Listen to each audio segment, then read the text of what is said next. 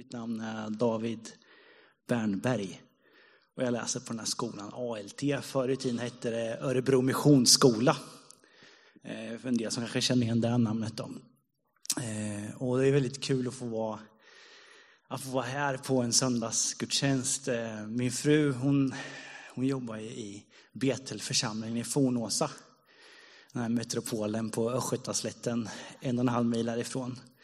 Eh, så på söndagarna brukar jag ofta springa runt och jaga på våra, våra små barn som är två och fyra år, Arvid och Grace. Ehm, så det här är en rolig liksom, ska man säga, omväxling att få komma hit istället. Och vi har fixat barnvakt och grejer så det, det känns jättefint. Och få vara här på en söndag också. För jag, annars är jag med i konfirmationen här i kyrkan och ibland på fredagarna med ungdomarna också. Då. Yes.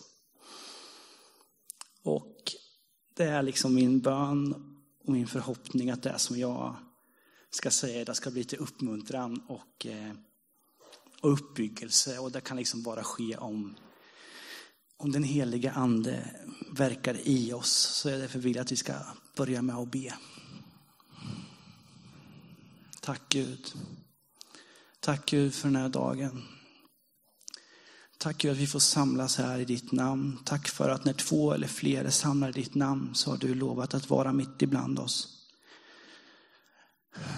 Vi välkomnar dig helige Ande. Vi ber att du ska tala till din församling idag. Vi ber om det som jag har förberett att dela. Vi ber att det som kommer från dig ska få ta sin boning i oss. Så att vi ber att allt det andra ska få liksom falla bort, Herre. Heliga Ande, kom.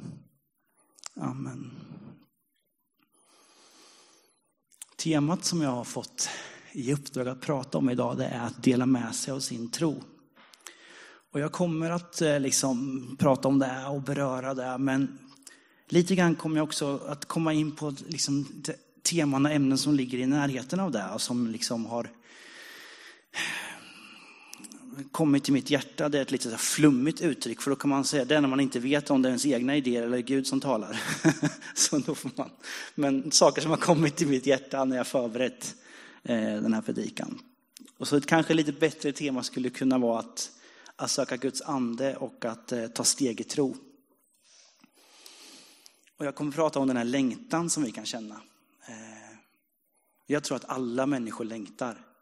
Att, att Gud har skrivit in evigheten i våra hjärtan, står det i Bibeln. Och att, så oavsett om du tror på Gud eller inte så tror jag att vi längtar. Att alla människor bär på en längtan. Och vi som tror på Gud, så har levt med tro länge, vi, vi längtar också. Liksom. Visst längtar vi efter att vi vill uppleva Guds närhet igen och igen och vi vill uppleva mer av honom. Eh, så det kommer jag prata om lite grann. Och sen kommer jag prata om hur Gud vill liksom sätta oss fria från olika rädslor och lögner som vi kan liksom gå och bära på oss om oss själva. Liksom. Och eh, hur Gud vill leda oss på nya steg och ge vidare det som Gud har gett oss. Det står att vi ska ge som gåva det som vi har fått som gåva, står i Bibeln. Eh, så kommer jag prata om hur vi liksom är inbjudna att få vara med i Guds eh, räddningsplan för världen. Ehm, hur vi är kallade liksom att överlåta oss och, och gå ut och hur han är med oss när vi ger oss till honom och går med honom. Mm. Jag tänkte vi skulle börja med om vi får upp det första bibelordet där, Apostlagärningarna 1 och 8. Men när den helige ande kommer över er så ska ni få kraft och bli mina vittnen i Jerusalem, i hela Judeen och Samarien och ända till jordens yttersta gräns. Mm. Och här, här visserligen vi två saker. Jesus berättar att han vill ge oss den heliga ande. Och att vi med det kommer få kraft att bli hans vittnen. Så vad innebär det då liksom att få bli hans vittnen? Eh, ja, det innebär ju inte att han bjuder in oss till att liksom rekrytera till en klubb eller en förening. Liksom. Det är inte liksom det som vi kanske har. Pingstkyrkan har kanske eller möjligtvis registrerat som en förening någonstans i några stadgar. Liksom, men det här är liksom ingen så här föreningsverksamhet. Liksom. När jag var med, jobbade på Örebro kommun och Motala kommun har jag jobbat på, då var jag med i fackförbundet, liksom ett fackförbund så här, så då fick man så här mejl och liksom kom så här, kom och var med på en gratis lunch här och värva en medlem här så kan du få biobiljetter och liksom så här, så de ville för liksom, de ville växa sitt fackförbund liksom, det var det de jobbade för. Och, eh, men liksom det Guds plan för världen, det är någonting, eh, någonting annat liksom. Eh, som han bjuder in oss att vara med i. Eh, man kan kalla det för Guds räddningsuppdrag. Och jag tänkte vi skulle gå vidare till Lukas, eh, Lukas evangeliet 4.18 och läsa vad Jesus själv säger. Han citerar profeten från Gamla Testamentet. Vi kan se om vi får fram det där. Ja, Herrens ande är över mig, för han har smort mig till att förkunna ett glädjens budskap för de fattiga. Han har sänt mig att utropa frihet för de fångna, syn för de blinda och att genom förtryckta frihet och förkunna ett nådens år från Herren. Och liksom Gud i sin godhet, han inbjuder oss att få vara med i hans räddningsuppdrag. Det är liksom den här förmånen att han vill använda oss. Han behöver liksom inte använda oss, liksom. men det är liksom hans hans vilja att använda oss, men det är hans vilja, hans beslut att använda oss människor i det här. Och det är liksom hemma, liksom, våra små barn, de är två och fyra år. Eh, de brukar ofta klaga på att maten är för varm. Eh, eh, maten är för varmt. det är för varmt, skriker de så här. Och liksom, det är inte så bra. Man kombinerar tålamodet som en två och fyraåring med att maten är för varm. Liksom, det är inte bra. Liksom. Då ska det blåsas och det ska liksom så här. Och då vill de också vara med och blåsa. Liksom, så här. Och Grace hon är två år, hon vill också vara med och blåsa. Vi blåser tillsammans, liksom, säger hon. Så här. Och så, det är hon så här spottfräser på maten så här. Och så känner hon sig liksom så här, jag fick vara med och blåsa på maten. Liksom så här. Eh, och jag blåser också på maten då. Och ni kan ju räkna ut själva vilket är egentligen, vem är det som gör skillnaden? Det är pappa som gör skillnaden liksom. Och i oss är det pappa Gud som gör det, men han liksom vill att vi ska vara med där och få spotta och fräsa och känna att vi är liksom, det är någonting med glädjen i, i föräldraskapet liksom, som att han vill verka liksom genom oss. Liksom. Mm. Och han är ju liksom, Jesus han är verkligen goda nyheter. Vi har goda nyheter till världen. Eh, för han, Gud han vill, han vill rädda människor. Han vill rädda oss från ångest, depression, missbruk, beroenden, ensamhet, sjukdom. Ibland, och det här kommer in mysterium då, vi vet inte liksom, ibland griper han in här på jorden och ibland får vi vänta tills han kommer, vi kommer till himlen. Eh, men det han har lovat är att vi kommer att få ett slut, lidandet kommer få ett slut. Han kommer rädda oss till ett evigt liv där lidandet inte kommer finnas mer. När vi kommer hem till våran pappa Gud i himlen. Och det kan ju låta så här kaxigt och liksom så här för de som kanske inte tror, om du är här idag som inte tror på Jesus, liksom att vi har någon slags svar på dina problem. Eh, och så. Och, men vi talar liksom av egen erfarenhet. Vi är liksom ett gäng före detta syndare, tjuvar, banditer, lögnare som har liksom hittat sanningen och hittat någonting som tar oss igenom våran vardag, som tar oss igenom livet. Och vi är syndare frälsta av nåd. Och det vore ju liksom snålt då av oss att inte dela med oss av det. Om vi skulle liksom behålla den skatten för oss själva. Liksom det, eh, det är inte det som, som Gud har tänkt för oss, utan han vill att vi ska dela med oss och ge, ge den gåvan vidare. Liksom. Mm. Och jag tänkte på det första bibelordet vi läste, att vi ska få kraft att bli hans vittnen när hans ande kommer över oss. Det berättar alltså, dels såklart så betyder det att vi kommer gå i hans kraft. Att vi kommer inte göra saker av egen kraft.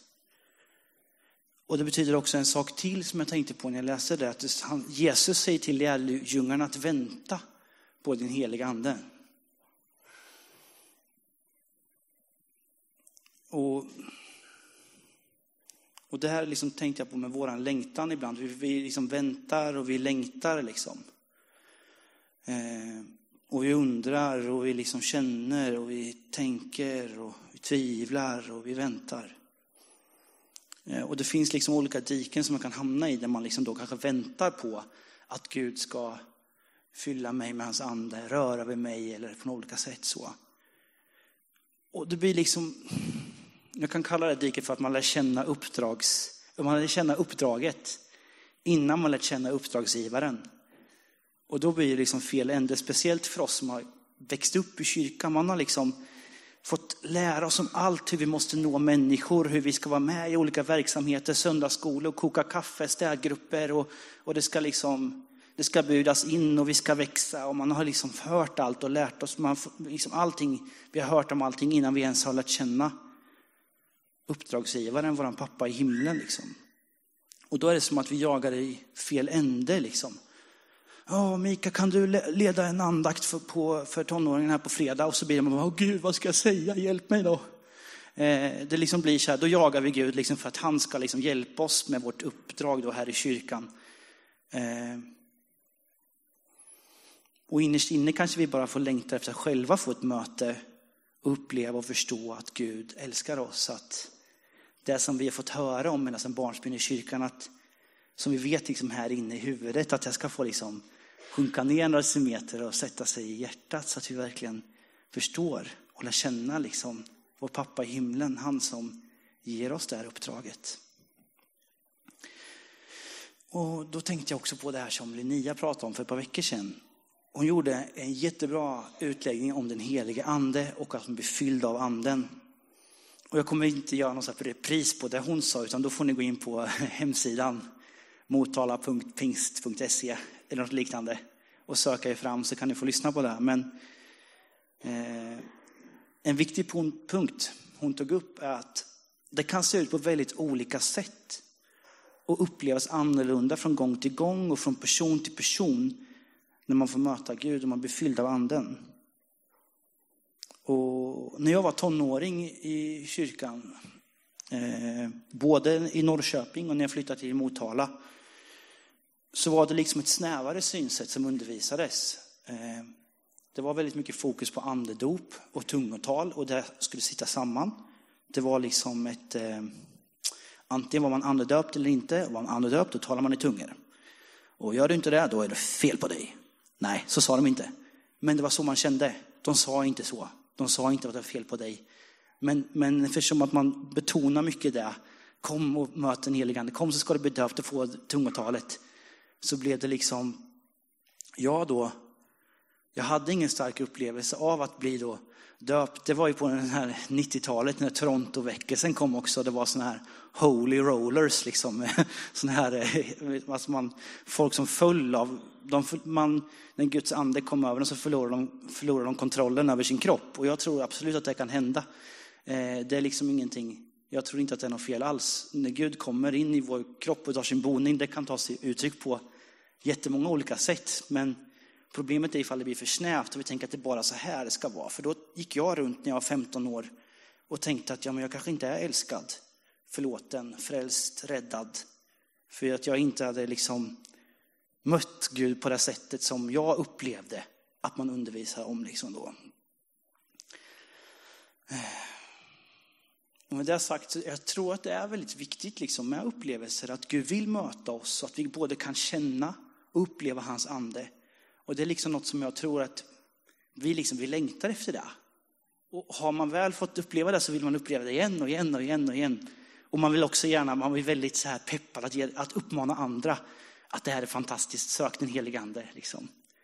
Eh, men då tänker jag på det här med bredden och tänker på i hur anden fyller oss och hur Gud möter oss. Att det vanligaste sättet som, som jag ser att Gud har liksom mött mig på, det är genom att han förnyar mina tankar och han fyller mig med kärlek. Eh, jag har fortfarande inte rullat runt så där som de gör på tv ibland. Liksom. Det vore jättekul, liksom. men om det aldrig händer så är jag nöjd ändå. Liksom. Eh, men vi tar upp det här Filipperbrevet 3, 7-8 om vi kan få fram den. Men allt det som förr var en vinst för mig räknar jag nu som en förlust för Kristi skull. Ja, jag räknar allt som förlust. För jag har funnit det som är långt mer värt. Kunskapen om Kristus Jesus, min Herre. För hans skull har jag förlorat allt och räknar det som skräp för att vinna Kristus. Och hur ofta har vi inte upplevt det här efter liksom en gudstjänst eller en stund av bön eller lovsång, att helt plötsligt har våra prioriteringar i vårt inre förändrats. Och det är ingenting som vi gör själva, utan det är en hel, någonting som den helige ande gör. Och även liksom att, vi, att jag, jag tror det är många av mig som känner igen att vi fylls av kärlek. Eh, och jag vet att jag är inte så kärleksfull i egen kraft. Eh, för helt plötsligt så kan jag uppleva hur jag bara känner jättestark kärlek till någon eller jag blir så jätteberörd eller känner en stark nöd för någonting och jag vet om att det, det är, så här god är inte jag. Liksom, så här. Det är någonting som kommer in i mig som förändrar mig att känna och tänka så. Liksom.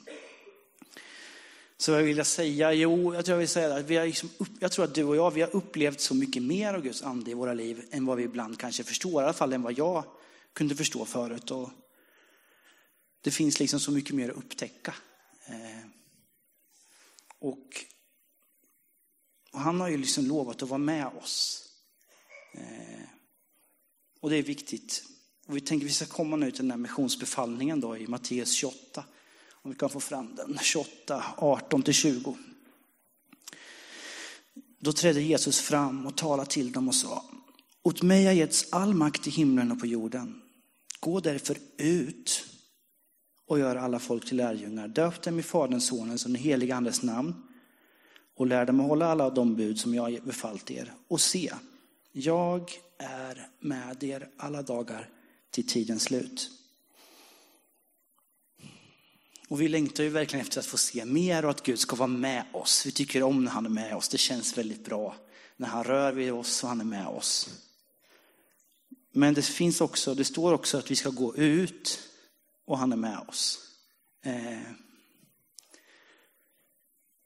Och tittar vi liksom i Bibeln, först, alltså Gud är ju allsmäktig och vi kan liksom, det finns liksom ingen tabell eller sätt att räkna ut hur han agerar. Det är inte det som jag vill liksom komma till, utan jag vill bara tänka, när vi ser i Bibeln, så ser vi en rörelse av att man går ut. Och då är Gud med och visar sin kraft, för att han vill visa sin storhet, sin godhet, sin barmhärtighet, kärlek. Och hans kraft manifesteras för att han vill visa vem han är. I Apostlagärningarna 4.31 så står det, när de hade bett skakades platsen där de var samlade och det uppfylldes alla av den helige ande och förkunnar Guds ord med frimodighet. Nu börjar man bli lite rädd. Så här.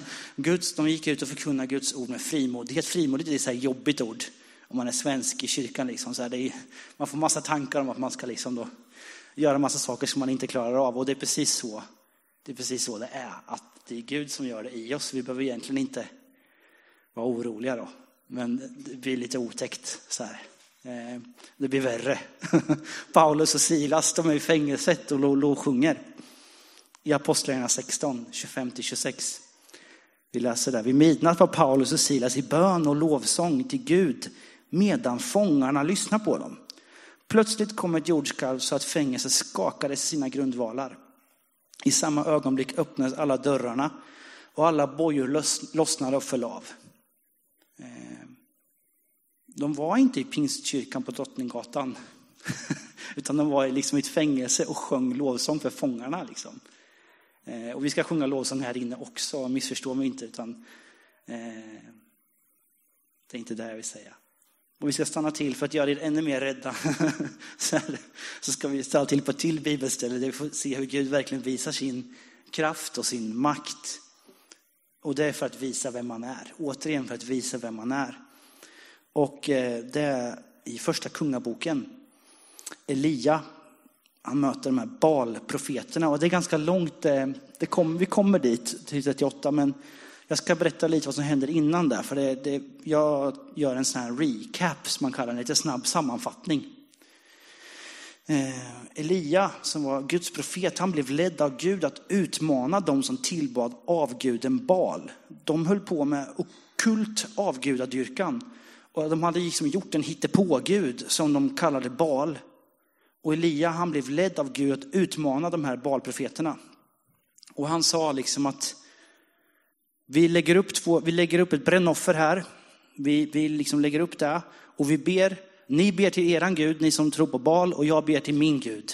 Och den som Gud, den Gud som tänder elden, det är han som är Gud. Det här ser ju väldigt scary om man skulle sätta sig själv i Elias liksom, kläder. Ja, men kom igen nu då så här.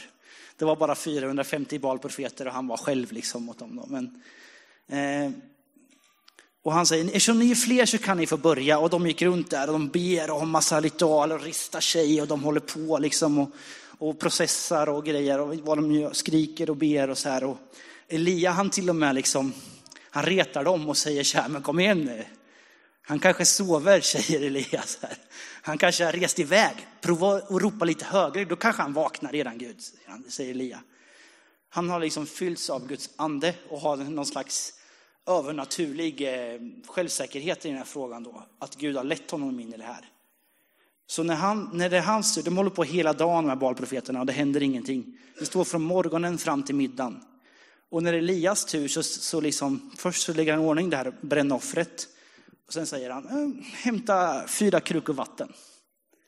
Jag kommer inte ihåg, han kanske hämtar vatten flera gånger och han, han dränker allting med vatten. Bara liksom, ser ni här? ser ni vad jag gör liksom? Han, allt var helt blött och diker runt det av vatten också liksom. Och sen bad han. Herre Abraham, Isaks och Israels Gud.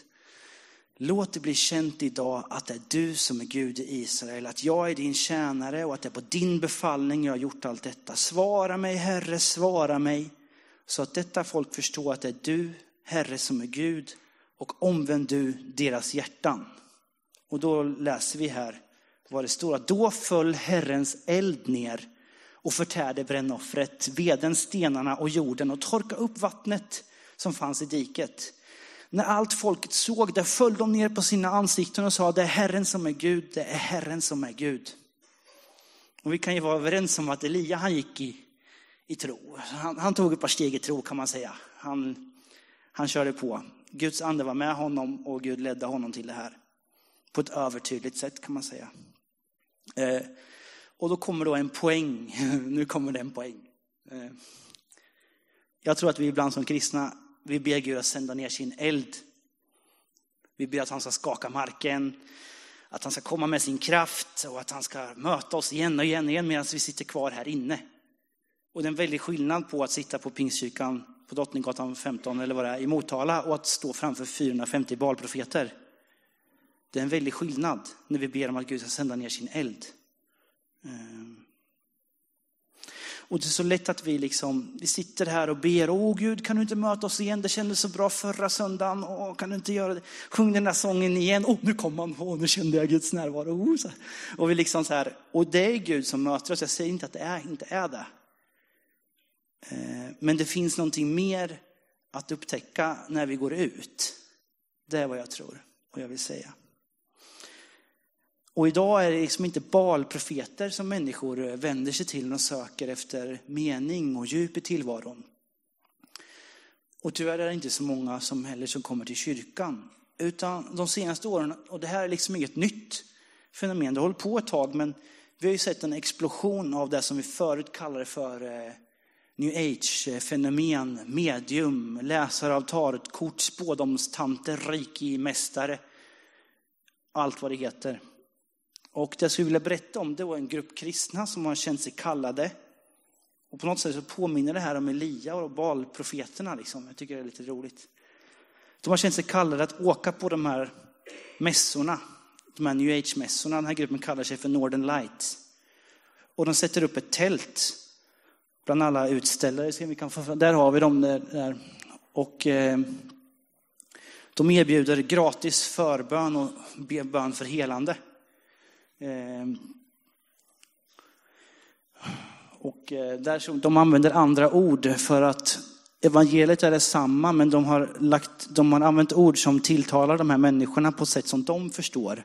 Så att inte den här vaccineringen ska aktiveras, att de tror att de vet vad Jesus är, så vill de inte, ja det är några kristna, utan de, på något sätt så lägger de upp det på ett sätt som de här människorna förstår. Ehm, och ehm, de här sökande människorna som kommer in i tältet, där de säger då, de säger att de har aldrig upplevt en sån kraft som är så stark. De använder ofta ord av energi. De har aldrig känt en sån stark energi. Och det är liksom folk som står i kö. De kör flera timmar för att komma in i det här tältet. Och de andra utställarna, de blir liksom arga för att de inte tjänar några pengar när de här kristna är där och erbjuder gratis förbön och alla går dit. Och folk sätter sig till och med utanför tältet för att få känna Guds närvaro.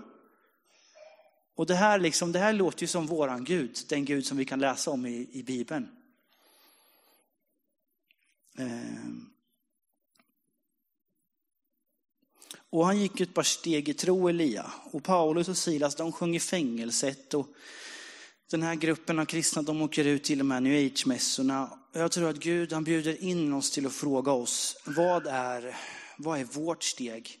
Vad är ditt och mitt steg liksom? Vad är det som Gud vill säga till dig och mig, vart han vill att vi ska gå? Och vi kanske inte känner att imorgon ska jag utmana 450 valprofeter.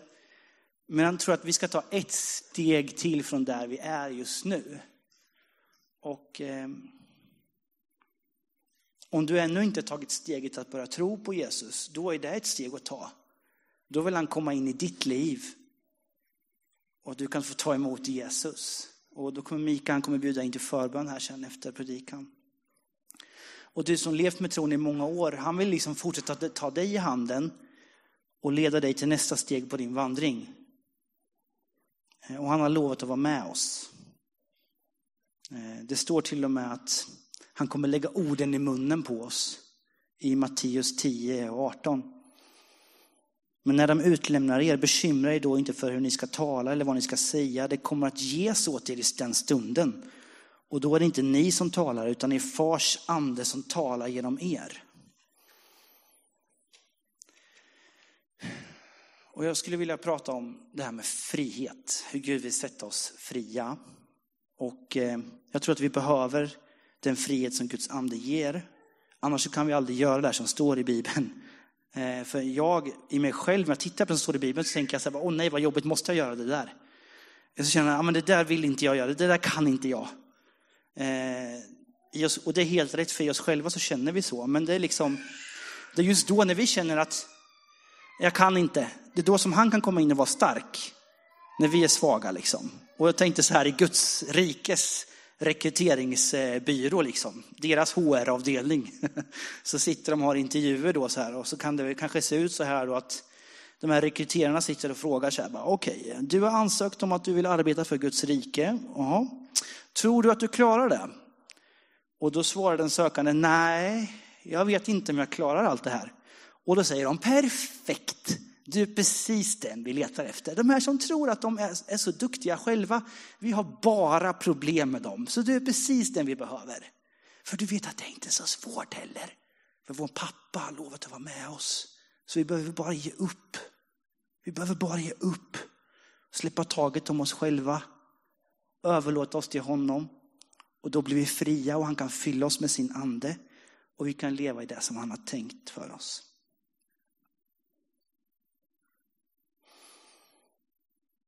Och det här med att ta steg då i tro, att leva i överlåtelse.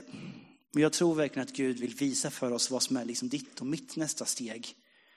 Och jag har tänkt liksom hur det skulle kunna se ut. Och jag vill egentligen inte hålla på att ge förslag, för det är Gud som liksom leder. Men jag kan inte låta bli att tänka så här, tänk om ett steg skulle kunna vara att börja be för varandra i bänkarna i kyrkan. Liksom. Eh, nu är ju ni fria människor och gör som ni vill. Gud är liksom en gentleman som knackar på och vi får öppna om vi vill. Men liksom en sån grej att kanske bara, man kanske inte måste gå fram på förbön, man kanske kan vända sig till den som sitter bredvid och säga, vill du att jag ska be för dig eller kan du be för mig? Det kanske skulle vara ett steg att ta eller att liksom att släppa taget och sluta tänka på vad kan de tänkas tänka om mig om jag går fram på förbön här i Pingstkyrkan? Eller vad händer om jag svänger med benen i lovsången? Eller vad det nu skulle kunna vara. Liksom att för jag tror att det finns någonting att om vi liksom kan bygga en kultur av frihet här inne där vi är fria från människofruktan och rädsla, då hjälper det oss att vara fria överallt där vi går också, även när vi är då där ute. Om man, ska då, om man kan göra den uppdelningen, de är inne och ute. Och jag tror liksom att Gud vill, Han vill att vi ska ha någonting i vårt liv som vi känner att det här klarar jag inte utan Guds hjälp. Och det kanske kan vara för någon som är småbarnsförälder, jag klarar inte att ta hand om mina tre barn utan Guds hjälp. Och då finns det olika perioder i livet. Liksom. Eh, så det, Gud leder var och en liksom, var den är i sin vandring där och då. Eh, men det är lätt om vi är kvar i vår bekvämlighet att börja tro på, på lögner. Liksom. Lögner om att vi inte klarar av att göra det som Gud har planerat, att vi inte duger, att vi liksom fastnar. Och Gud vill att vi ska vara fria att tjäna honom. Att leva i frihet, det är det som han har kallat oss till. Så jag tänkte bara, det är liksom när jag förberett den här predikan, när jag haft den här sången, där Herrens ande är, där är frihet. Where the spirit of the Lord is, there is freedom. Och eh, tänkte vi läser det som en avslutning här, andra Korinthierbrevet 3 och 17. Där Herrens ande är, där är frihet. Vi ber en avslutande bön. Gud, vi ber till dig idag. Vi ber om att du ska komma över oss med din ande. Vi ber om frihet från människofruktan, frihet från allt det som tynger oss. Frihet från det som på olika sätt vill hindra oss att komma närmare dig och leva närmare dig. Kom med din ande. Ge oss av din frihet. Ge oss kraft att vara dina vittnen, att gå dit du vill att vi ska gå. Vi överlämnar oss till dig Gud. Vi lägger vårt liv i dina händer. Helig Ande kom. Tack Jesus. Amen.